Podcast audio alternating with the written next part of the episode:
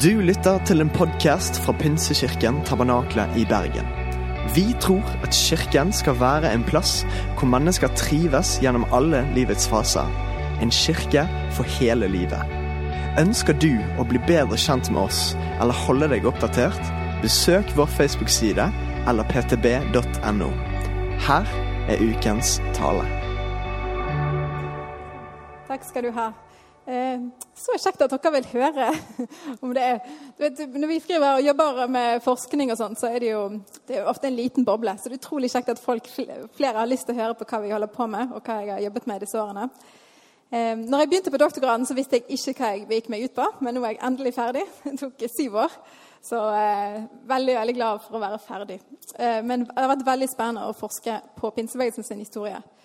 Um, og um, Det som er tanken nå for dette seminaret, er å snakke litt om pinsebevegelsen generelt, og så litt om det som jeg har skrevet på. For det er det mange som har uttrykt et ønske om å høre litt om hva jeg faktisk har uh, skrevet doktorgraden på. Og det har med Barrat å gjøre. Så vi skal trekke noen sånne store linjer om den bevegelsen vi er en del, i, en del av. Litt om hvordan, hva som skjedde de første årene i pinsebevegelsen i Norge, og litt sånn globalt. Og så håper jeg det at vi skal kunne lære noe av historien. Uh, men det um, det er kanskje litt individuelt. Jeg håper dere kan gjøre noen egne refleksjoner på hva som hva kan være lærdom for i dag av den historien vi har. Eh, ja. Så som sagt, Jeg vokste opp her i Tabernaklet. Veldig eh, glad og takknemlig for det. Men så har jeg vært eh, ganske mye i eh, Assemblies of God i Argentina og i USA. Så litt, eh, jeg er liksom glad i den globale pinsevekkelsen, så det er litt min egen bakgrunn. Sånn. Eh, hvis vi skal begynne med, og litt om hvordan pinsevekkelsen kom til Norge, da må vi begynne med det som heter Azusa Street-vekkelsen. The Susa Street Revival, eh, som eh, mange er kjent med. Og Det var en stor vekkelse i 1906 i USA, i Los Angeles, i et bygg som het, eh, som het Apostolic Faith, som dere kan se der, som var i Susa Street, den gaten. Det var ledet av William Seymour, som dere ser bilde av her. Han var en afroamerikansk pastor. Og det, del, det som er historien er ganske spennende, er det at, at på den tiden var jo Amerika veldig segregert.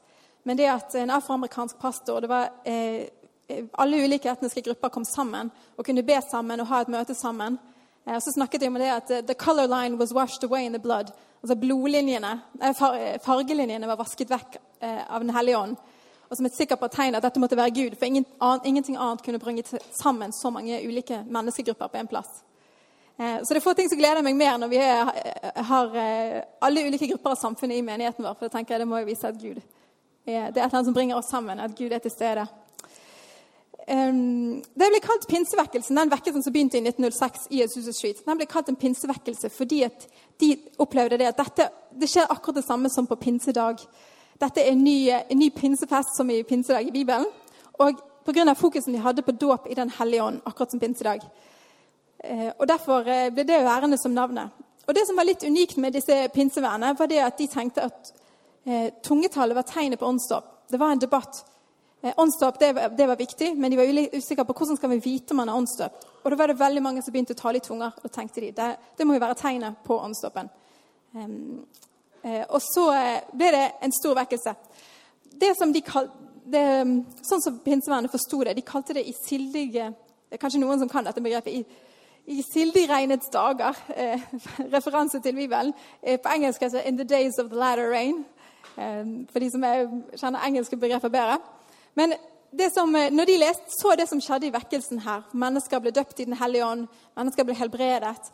Det var så mange som ble frelst. Så tenkte de dette er som pinsedag, og dette er som profetien som står i Joel og i Apostelens gjerninger. I de siste dager skal jeg utøse min ånd over alt skjød de skal tale profetisk osv. Disse versene. Det er akkurat det samme som skjer nå. Så de tenkte vi lever i den siste store vekkelsen. Det var det de trodde. og det som Vi kanskje kan si at vi kan være enige i, skal komme til det senere. Kanskje de hadde rett. At det er den siste store vekkelsen som Gud sender ut over hele verden for å kalle mennesker til seg før han kommer tilbake. Så da tenkte de at nå kommer Den hellige ånd for å gjenopprette nådegaver, for kraft til å leve hellig og for å evangelisere verden. Og så ble det spredt veldig raskt fra og Det bildet forresten, det er lederne av Susa Street. Så eh, Det det første lederskapsbildet. Så det var mennesker i alle aldre, kvinner og menn, og av ulike etnisiteter, som formet lederskapet i denne menigheten. Um, ja. Så eh, det ble spredt til alle steder. Og de, de første pinsemennene trodde faktisk, når de talte i tunger, at eh, Jesus kommer så fort igjen at vi har ikke tid til å lære språk. Så han har gitt oss tungetale, sånn at vi kan reise ut og evangelisere på tungetale. For å liksom, skynde, skynde prosessen for å nå flest mulig før han kommer tilbake. Og så var det veldig mange som bare dro. De samlet inn penger, og så tenkte de det høres ut som kinesisk. Da reiser du til Kina. så, og så gjorde de det til mange steder i verden. Eh, til India, til ulike steder. Kom fram, oppdaget at vi snakker jo ikke kinesisk, vi snakker ikke alle disse språkene. Eh, men så lærte de seg språkene, da. Men de hadde med seg pinsevekkelsen. Så de, de, tenkte veldig fort ok, det, det, var ikke nødvendigvis det det var for. Men det første, det første året så var det faktisk tanken. Eh, men det, det, gikk jo ikke. Så, eh, men, men, denne misjonsdriven, det tanken om at Jesus kommer snart igjen, og dette skjer for at vi skal ut og vinne verden, den har ligget der helt siden begynnelsen. Selv om det ikke var derfor tungetalen kom. Eh, så det, eh, Fra første dag så sendte de ut så mange misjonærer, både fra USA, men også fra Norge og andre steder. Og Det var derfor pinsebevegelsen ble spredt så fort eh, over hele verden. Fra i, allerede i 1906-1907. Hva var pinsevennene opptatt av? Det som var på en måte nøkkel, det som var det aller viktigste for de tidlige pinsevennene i USA, men også her i Norge, det var først og fremst et personlig gudsforhold forhold til Gud og frelsesopplevelsen. Det var det aller viktigste. Å forkynne frelse og evangelisere. Så var de opptatt av åndskraft, åndsdåp, som de sa, som vi sier i dag fremdeles, åndsdåp, kraft fra Den hellige ånd til å være vitner. Ja, det var liksom poenget. Poenget med åndsdåpen er å få kraft til å komme seg ut og vinne verden. Det var hjertet i det. Eh, og I begynnelsen så kalte de jeg vet ikke om vi gjør det så mye nå lenger, men da kalte de åndsdåpen en kjærlighetsdåp. Det var det begrepet. Love baptism. Eh, I Norge også. Man snakket om det som en kjærlighetsdåp. At Gud eh, fyller oss med så mye kjærlighet at vi må fortelle verden om han. Det var egentlig det. Kjærlighet til Gud og til andre mennesker. At det var det, sånn de beskrev det. Det kan kanskje noen som har blitt åndsdøpt, kjenne seg litt igjen i. Um, andre ting de var opptatt av, det var å leve hellig og overgitt til Gud. Litt sånn som eh, eh David snakket om i dag. Overgivelsen til Gud og helligheten. Det har òg ligget i pinsebevegelsen helt siden begynnelsen. Eh, helbredelse av de syke, veldig viktig. Eh, det var nesten det som eh, eh Det var nok ofte derfor kanskje folk kom til møtene, for de ville bli helbredet. Og så ble de, når de først har kommet hit, så ble de frelst og åndsdøpt og hele alt. Men, eh, men, det var kanskje det som ofte drev, for det var så mange som ble helbredet. Så var de opptatt av at Jesus kommer snart igjen, og misjon. Vi må ut og vinne verden før Jesus kommer igjen. Så det liksom, Dette har vært nøkkel, liksom, nerven i pinsebevegelsen helt fra begynnelsen. har vært kjernen i hva pinsevennene har vært opptatt av når de har reist rundt og, og forsynt evangeliet. Eh, og når det har spredt seg rundt. Så eh, kommer vi litt mer til det som jeg har jobbet mest med, som eh, mange som kjenner til, kanskje. Thomas Ball Barrat. Eh, som var den som eh, var, eh, er kjent som pinsebevegelsen, den som tok pinsebevegelsen til Norge og ledet den tidlige norske pinsebevegelse. Men han er ikke bare kjent som det, han er kjent som den som tok pinsebevegelsen til hele Europa. faktisk. Europas Pinsevekelsens apostel til Europa. Eh, og han var en engelsk-norsk metodistpastor som faktisk eh, altså Familien var fra England, og så flyttet de til, eh, til Varaldsøy. Noen som har vært på Varaldsøy noen gang? Ute i Hardanger. Jeg vokste opp ute i Hardanger på Varaldsøy og var faktisk veldig koblet på Metodistkirken her i Bergen. Reiste veldig mye til Bergen og var med og, og tjente i Metodistkirken her. Eh, så han eh, vokste opp på Varaldsøy, også på kostskole i England, sånn frem og tilbake. Eh, og, eh, og, begynte som eh, metodist. Familien var metodister. Begynte som predikant, evangeliserte her på Vestlandet. Og Så ble han sendt til Voss. Startet den første metodistmenigheten på Voss. Det var dramatisk. De prøvde å få han kastet ut, men han ble værende. og Det ble en metodistmenighet der. Og så ble han sendt videre. Metodistkirken de, de, sender på en måte folk der de vil. så De sendt videre til Oslo. Der ble han den øverste lederen for metodistkirken i Norge når han var bare 30 år gammel. Så ble han på en måte biskop eller over eh, superintendent. Ledende eldste for hele metodistmenigheten i Norge. Veldig kjent person egentlig i norsk kristendom før han ble pinsemann. Uh, han var satt i bystyret i Oslo og startet dissenterting og gjorde mange ting. Var veldig viktig i avholdsbevegelsen. Så han sa det var to kamper i livet. Kampen mot alkohol og kampen for frelse. Menneskers frelse. Det var to hans store kamper. Men Eh, og starta da Bymisjonen eh, som et, et, forsøk på å prøve å nå flere mennesker i Oslo med evangeliet. Starta han den i 1904. Eh, og så, Da leier de mange lokaler i Oslo. Så kommer han til det punktet at han tenker vi må bygge et eget bygg, men vi har ikke penger til det. Så da eh, tenker han jeg kan reise til Amerika og prøve å samle inn penger til dette bygget. Det som skulle hete Haakonsborgen. Så da reiser han til USA for å samle inn penger i 1905. Eh, det gikk ikke så bra. Fikk ikke inn så mye penger. Men mens han var der, så leste han og hørte om Susan Street-vekkelsen og ble grepet av det. Eh, og leste aviser og vitnesbyrd og fant ut at eh, jeg leste Bibelen, studerte Bibelen nøye og fant ut at dette må stemme. Og at det han trengte i livet, var ikke så mye penger til å kjøpe et bygg, men det han trengte, var åndsdåp. Et nærmere møte med Gud, for kraft til tjeneste. Eh, og når dette skjer, så bare 44 år gammel, faktisk. Når, altså Før han ble pinsevenn, 44 år, så han var godt voksen, erfaren metodistleder. Så han begynner å søke denne åndsdåpen og blir åndsdøpt og taler i tunger i New York i 1906. Eh, så han er, han er ikke i Susan i New York og får høre om dette og søker Gud i ukevis egentlig til han blir åndsdøpt og taler i tunger. Jeg tenkte jeg skulle lese litt av hans opplevelse til dere. Barats åndsdåp. Han, har, han, skrev masse bøker med sin historie, så vi kan lese dette. Hvis dere leser selvbiografien hans, så skriver han det sånn. Mens jeg ba, så de en ildkrone over hodet mitt og en kløvet tunge som av ild foran kronen. I samme øyeblikk ble mitt vesen fylt med lys og en ubeskrivelig kraft, og jeg begynte å tale i et fremmed språk av all makt. I lang tid lå jeg på ryggen på gulvet og talte. Jeg er forvisset om at jeg talte syv til åtte forskjellige språk. Men det skjønneste av det hele var sangen. Han sang timevis i tunger. Og så, så, forteller han videre eh, Dette var en opplevelse som varte i mange timer.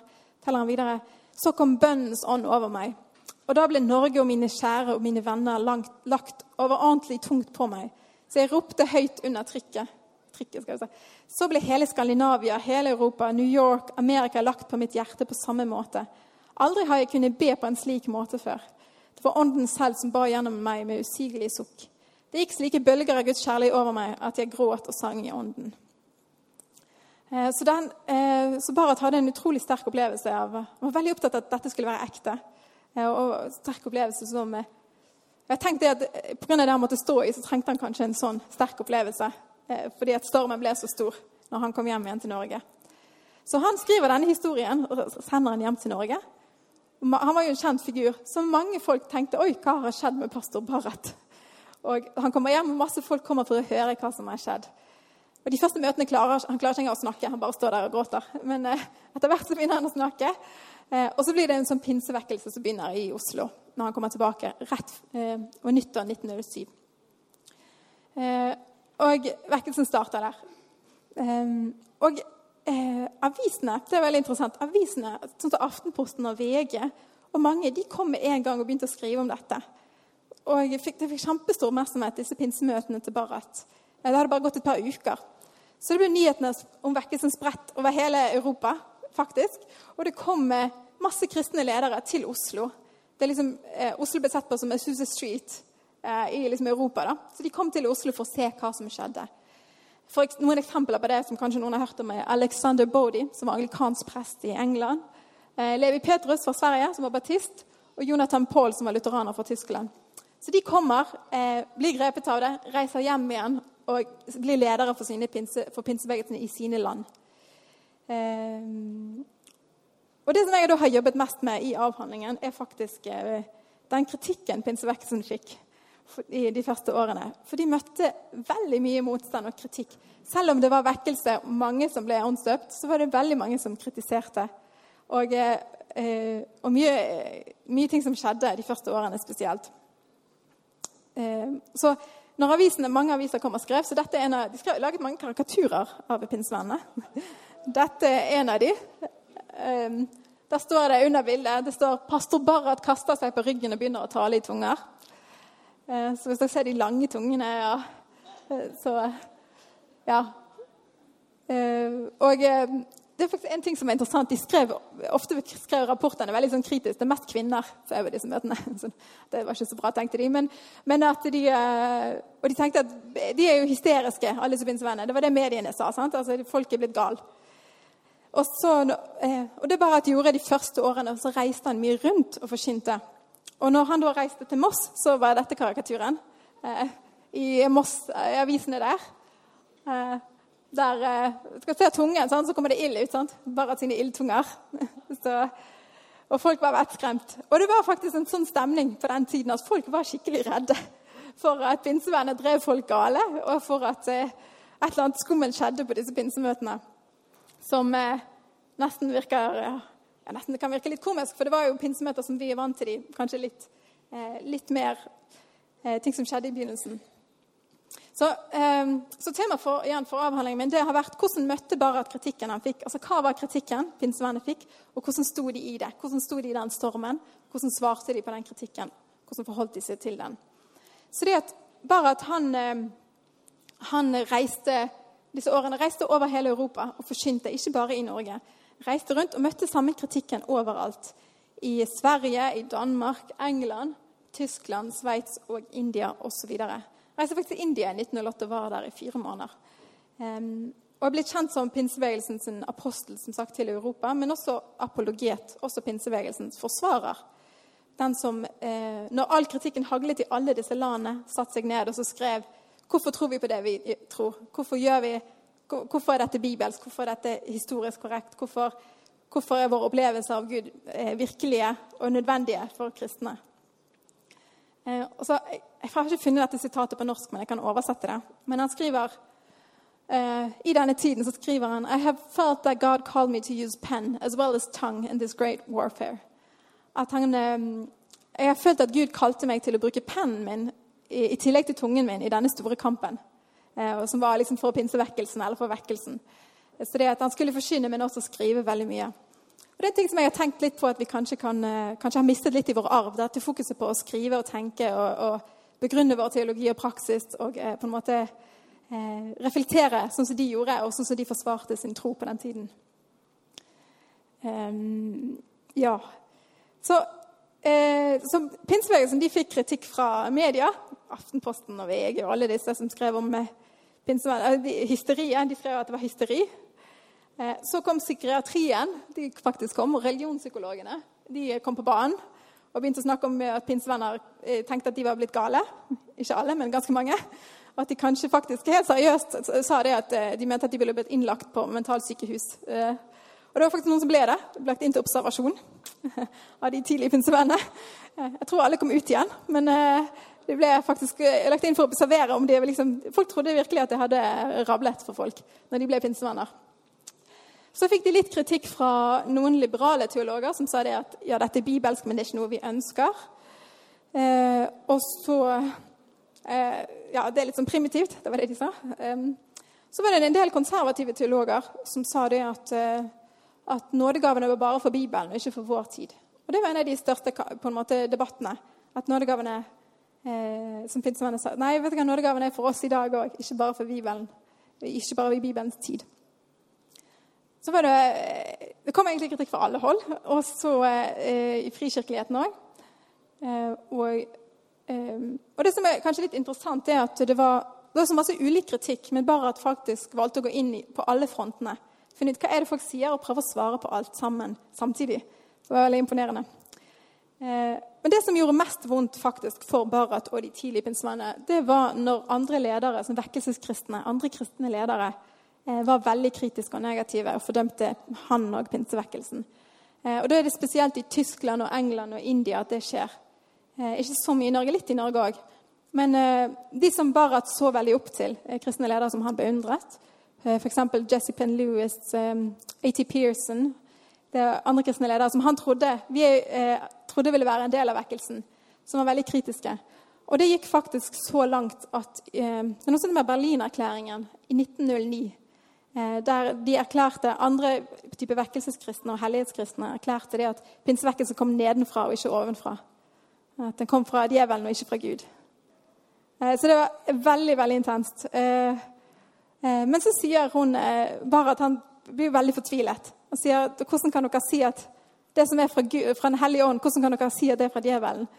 Men så sa de òg det at det skjedde jo med Jesus òg. Så det må vi kanskje bare ta med at folk kan misforstå. Det sa de jo til og med med han.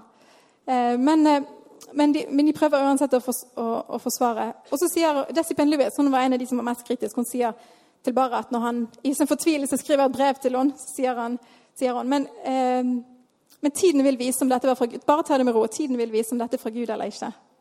Eh, for hvis det ikke er fra Gud, så vil det forsvinne. Så tiden vil vise hvem av oss som har rett.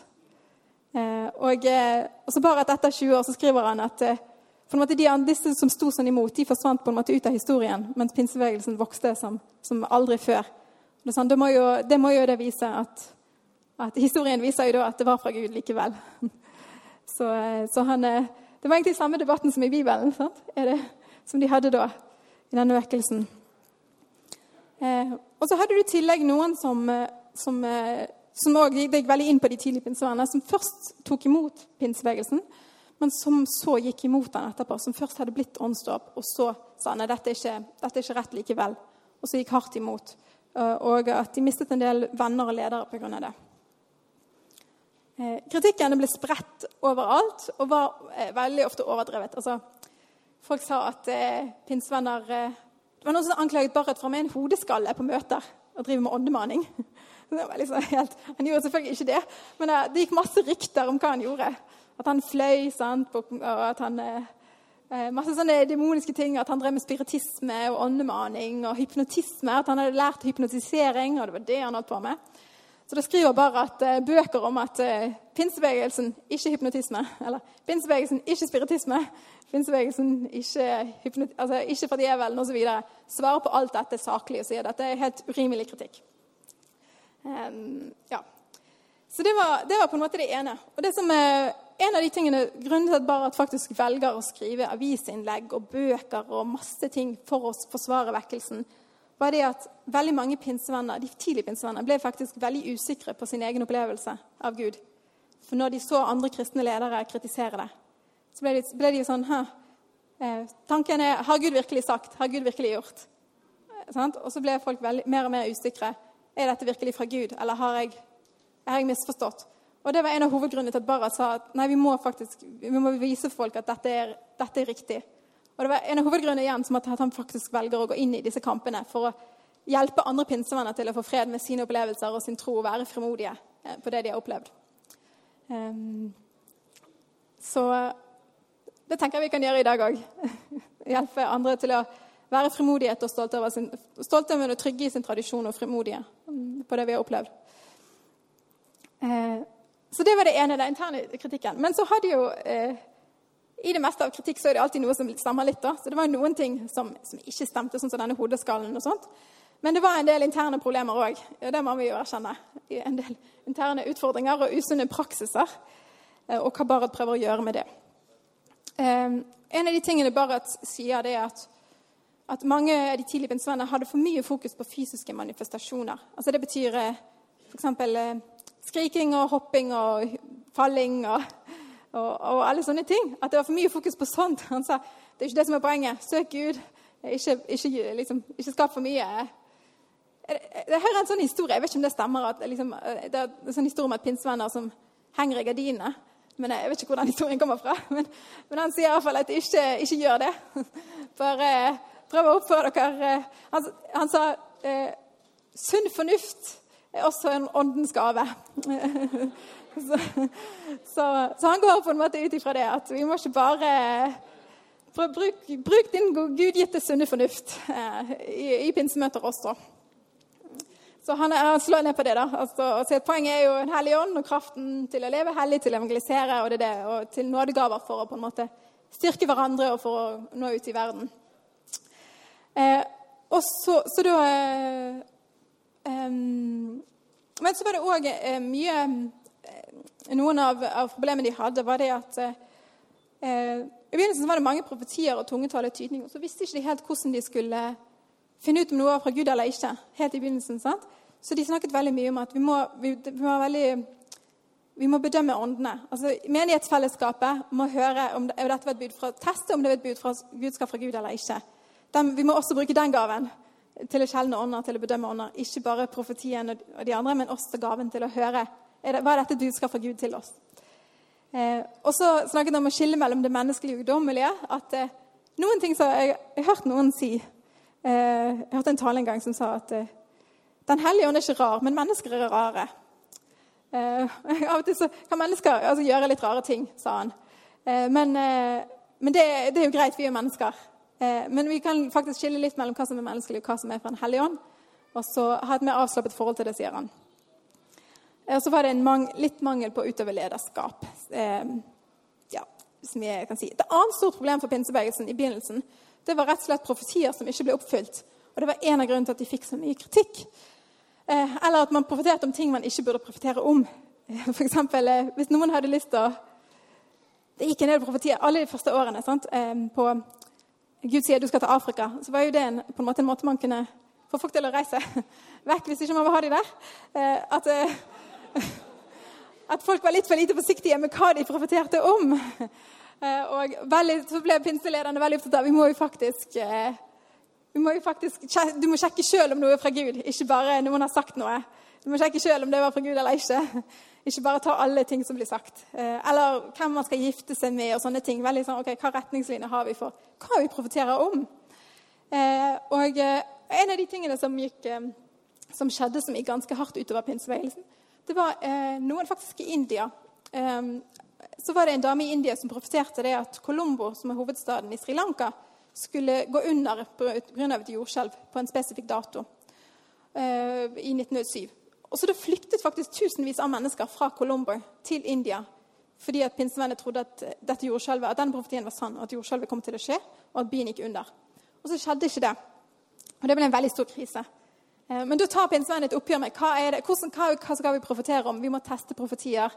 Vi kan ikke datofeste sånne ting. og... Eh, og veldig, eh, lager masse retningslinjer for sunn nådegavebruk, rett og slett. Eh, på grunn av det. Så man tar, eh, man tar, Når man har opplevelser som ikke er bra, så tar man faktisk lærdom av det og prøver å tenke hvordan kan vi unngå at dette skjer igjen, og hvordan kan vi ting bli bedre. uten, å, uten å kaste ut babyen med badevannet. Vi stopper ikke å profetere fordi at én profeti var feil. Men, men vi prøver å, å korrigere eh, praksiser som ikke er helt, helt rette. Eh, og En av disse praksisene var f.eks. i i Telemark så trodde de at de hadde noe som het fordømmelsesnådegave. At de kunne, eh, dette handler om å snakke litt sant om vår historie. For det, kanskje vi kan være litt rause med feil som skjer i dag, tenker jeg, når vi ser på feil som har skjedd i vår historie. Men, men de trodde at, at de, noen kunne få, hadde en gave til å se hvem som gikk evig til fortapt. Og rei, kunne reise seg og si 'Så sier Herren, du går evig fortapt'. Eh, krise, full krise. Barat blir jo helt fortvilet skriver masse brev og leserinnlegg og reiser til Telemark og snakker med folk og sier dette er helt uvivest, dere må slutte med det. Eh, og fortsette og fortsette og fortsette, og prøve å få folk til å slutte å gjøre det. Eh, og det tenker jeg å utøve lederskap. sant? Altså, Hva er det som på en måte bare går helt eh, ubilske frasiser? Så går, tar han tak i det og sier dette kan vi ikke holde på med. Eh, ja. Og så er det en um, og så faktisk En siste ting jeg skal nevne der, av, av problemer i Norge. Eh, noe som heter Sandsvær-tragedien. Som, eh, et som heter Sandsvær i Norge. Så var det en mann som ble pinsevenn, som, eh, som eh, hørte, han hørte en stemme om at han skulle gå og så drepe onkelen sin. Og så jo, gikk han og gjorde det. Eh, eh, og det ble, ja, det ble full krise i norsk pinsebevegelse. Det var faktisk det mest kritiske punktet i 1908 for pinsebevegelsens framtid. Eh, og han blir innlagt på Gaustad, på, eh, som er liksom Oslos versjon av, av, Sandviken. Han blir innlagt der. Og eh, han blir regnet for, for, å være mentalt ustabil, eller at han har mentale problemer. Psykisk lidelse. Og så, men da, begynner faktisk folk, det blir tatt opp i Stortinget, og folk begynner å tro at, at, si at pinsebevegelsen er det som driver mennesker til vanvidd. Og, at, og så svarer han mye på det og sier dette altså det fins mennesker som har psykiske lidelser eller som begår feil i alle kristne sammenhenger uten at hele bevegelsen holdes ansvar, ansvar for det. Det er ikke sånn at man går i en luthersk menighet, så driver det noen til vanvidd, eller metodistisk kirke driver det noen til vanvidd. Så viste det seg, Jeg snakket faktisk dette om dette på Gardermoen. Så kom det en fram til meg og så sa det at det var hans oldefar. Eh, faktisk, En av disse pinsepastorene. Og sa det at etter han hadde dødd, så oppdaget de at han hadde syfilis på hjernen. Det var derfor han hadde blitt så syk. Eh, at han faktisk hadde fått eh, problemer i hjernen pga. det. Så det er jo en tragedie for alle, for, men, for de, det gjaldt for pinsebevegelsen for så mange mennesker. Um, og, eh, men de, de prøver uh, prøver virkelig også, Og da klarer bare at å få liksom, selvtilliten tilbake i pinsebevegelsen. ok, dette var Forferdelige ting kan skje overalt, men vi kan ikke holde alle andre mennesker til ansvar for, for det nødvendigvis. Og så, um, og, så, går det på en måte den stormen over. Uh, Konsekvensen av all kritikken og de interne problemene var faktisk det at vekkelsen stoppet opp for flere steder. Eh, mange steder der vekkelsen begynte, så ble det stoppet opp pga. mye motstand, men også pga. feilsteg og eh, interne problemer. Eller negative opplevelser. Og da prøver bare å ta tak i begge deler. Han sier mye av denne motstanden, eksterne motstand er urimelig, vi må forsvare pinsebevegelsen. Jeg, jeg, gjør det, Men samtidig må vi adressere de tingene som vi ikke gjør rett sjøl, sånn at vi kan få en sunn bevegelse. Og Da skriver Barrat eh, boken sin 'In the Days of the Latter Rain' i Sildegreinets dager. Kanskje noen har lest den om på norsk? Eh, der han skriver, Dette er innholdsfortegnelsen der han i 1909 blir en av de første eh, Kanskje den tredje pinseteologiske boken i verden, eh, faktisk, som blir på en måte standardteologien for pinsevenner i, eh, i Vest-Europa. Nå løper tiden litt fra meg, så jeg skal gå videre. Men, men de, ja. Dere kan lese avhandlingen, det kan jeg si. Ja.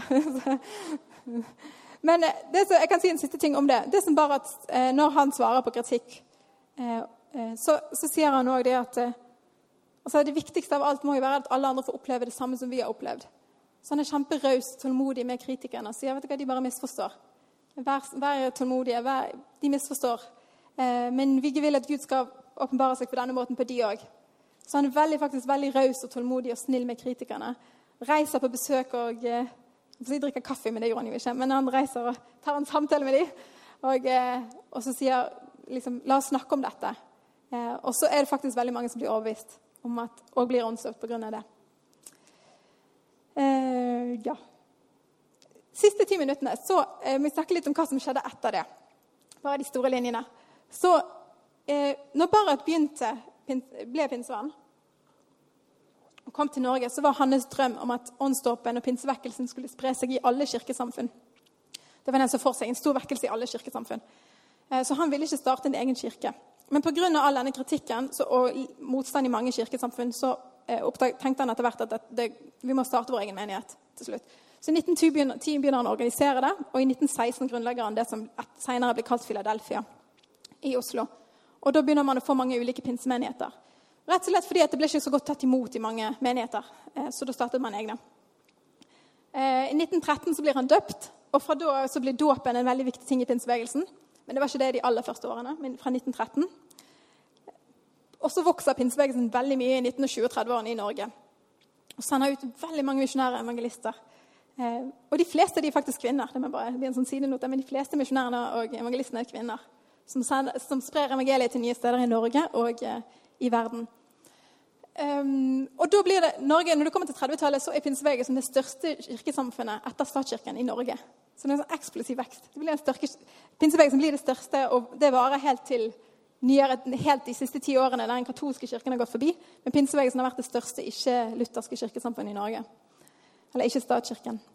Så går han bort i 1940, og han var en aktiv skribent og teolog hele livet. Eh, studerte veldig mye og eh, skrev veldig mye. Um, når han går bort, jeg kan si at han var faktisk på dette er jo rett før krigen. I januar 1940 dør han. Rett før andre verdenskrig. Og Han hadde skrevet en bok om endetiden der han hadde tatt for seg Mussolini og Hitler. og litt forskjellig. Så når nazistene kom, eh, så, så, var han på listen av de som skulle bli hentet og satt i, i leir eh, i Norge. da. Eh, men når de kom, så jo, hadde han gått bort. Så jeg har liksom tenkt at kanskje Gud sparte han for, for det helt til slutten av sitt liv. Og så hadde han en begravelse der han fant veldig respekt i Norge etter hvert, selv om det var mye kritikk i begynnelsen. Og det var tusenvis av mennesker som fulgte han til denne begravelsen og feiret egentlig hans liv eh, og virke, selv om det var så mye eh, så vanskelig i begynnelsen. Så. Til slutt de store linjene. Altså, den klassiske pinsebevegelsen som vokste ut fra Susa Street-vekkelsen, den har i dag 280 millioner medlemmer. Eh, bare på de siste 100 årene. Over 700, 700 ulike kirkesamfunn og eh, Du har noen kjente pinsevenner som Levi Petrus, Amy Simple McPherson, og noen kjente pinsemenigheter i dag. Eh, Assemblies of God, Dream Center, Church of God. Ganske mange. Hillsong. Eh, ganske mange pinsevenner som trekker sin historie til Azusa Street-vekkelsen. Men så skjedde det noe eh, på eh, ja, og Det er fremdeles de samme tingene som er viktige i pinsebevegelsen i dag. Men eh, ja, veldig mange ja, jeg kan se. kan se litt powerpoint til de som er interessert. Så, uh, mange av de samme tingene som er viktige i dag, uh, som var det da. Men så kommer vi til 60-tallet, og da eh, Fram til da, fra 1906 til 60-tallet omtrent, hvis du ble åndsdøpt eller fikk, trodde på profeti og andre nådegaver så, og begynte å tale i tunger, så hadde du to alternativer. Eh, enten så holdt du det hemmelig for alle hvis du ikke var pinsevenn, eller så gikk du ut av kirken din og ble pinsevenn. Det var liksom de to alternativene du hadde. For det var ikke akseptert i andre kirkesamfunn. stort sett. Men på 1960-tallet så får vi en karismatisk vekkelse i mange kirkesamfunn som er inspirert av pinsebevegelsen eh, sin tro og praksis. Og Da er det mange andre kristne eh, som får, blir opptatt av åndsdåp, nådegaver, helbredelse, erfare Gud og bli ledet Den hellige ånd, som er liksom de klassiske pinsetingene. Mange andre kristne som tenker, blir opptatt av det òg. Men det som skjer på 60-tallet, er at disse kristne, de, de, døren blir åpnet i deres kirkesamfunn, så de kan bli værende. Så, de, så de kan være anglikanere eller lutheranere eller baptister eller metodister osv. Og, og tro på de samme tingene som pinsevenner og være opptatt av de samme tingene. Åndsdåp, nådegaver, eh, helbredelse osv. Eh, og da får vi den karismatiske vekkelsen. Og katolikker òg, for så vidt. Det er veldig, 200 millioner karismatiske katolikker. Og så kommer vi til 80-tallet. Da får vi noe som heter nypinsevenner. Neopentekostale på fint. Nypinsevenner. Eller nykarismatikere. Starter mange ulike kirkesamfunn, pinsekarismatiske menigheter, som som eh, er uavhengige, som ikke trekker røttene til Susa Street, men forstår, vel, forstår, så mye av det samme. De ligner pinsebevegelsen i tro og praksis. Og Da får du mange sånne frie menigheter. Du får Trosbevegelsen, f.eks. Levende Ord, eh, Oslo Kristne Senter, Vineyard, eh, Kristen Fellesskap, Bethel i Reading, kinesiske huskirker osv. Mange som ligner mye på pinsebevegelsen, men ikke er liksom klassisk pinsebevegelse. Så det, det, som begynner som en liksom, liten vekkelse, det sprer om seg Eh, globalt. Og når vi kommer til den eh, nå i dag, så regner vi at statistikken går hele tiden opp. Vi snakker om at det finnes 700 millioner, eller 600 eller 700 millioner pinsekarismatikere i dag. Da tenker vi på pinsevenner, de nye pinsevennene og karismatikerne. Eh, til sammen eh, over 600-700 millioner. Eh, det vokser aller mest i Latin-Amerika, Asia og Afrika. Og det er faktisk den raskest voksende religiøse gruppen i verden eh, per i dag. Eh, og det de har felles, alle disse pinsekarismatikerne, at de legger vekt på Den hellige ånd, på åndsdåp, på nådegaver og på, egentlig på vekkelseskristendom. Så det som begynte som en liten ting i Susa Street, nå hvis vi trekker disse linjene, så er det blitt 600 eller 700 millioner mennesker på 100 år. Så jeg har liksom tenkt på det med pinsevennene. De tenkte dette er starten på en stor verdensvekkelse, da har jeg tenkt kanskje de hadde rett. Når jeg ser på kirkebildet i dag, eh, 100 år etterpå. Det er den største endringen som har skjedd i kristendommen de siste egentlig, altså, Bortsett fra reformasjonen. Altså den største, den største, som har skjedd de siste 100 årene. Og voks, Kirken vokser og er levende og, eh, i, i, store deler av verden. Så håper det kan gi oss litt frimodighet eh, og til jeg liksom tenker at eh, Kirken går fremover. På tross av feil, på tross av mangler, så går faktisk Guds rike fram. Pinsevekkelsen og Den hellige ånd jobber i, i så mange deler av verden. Og jeg er i fall veldig stolt av å være en del av den tradisjonen eh, som vi står i. Så takk for meg.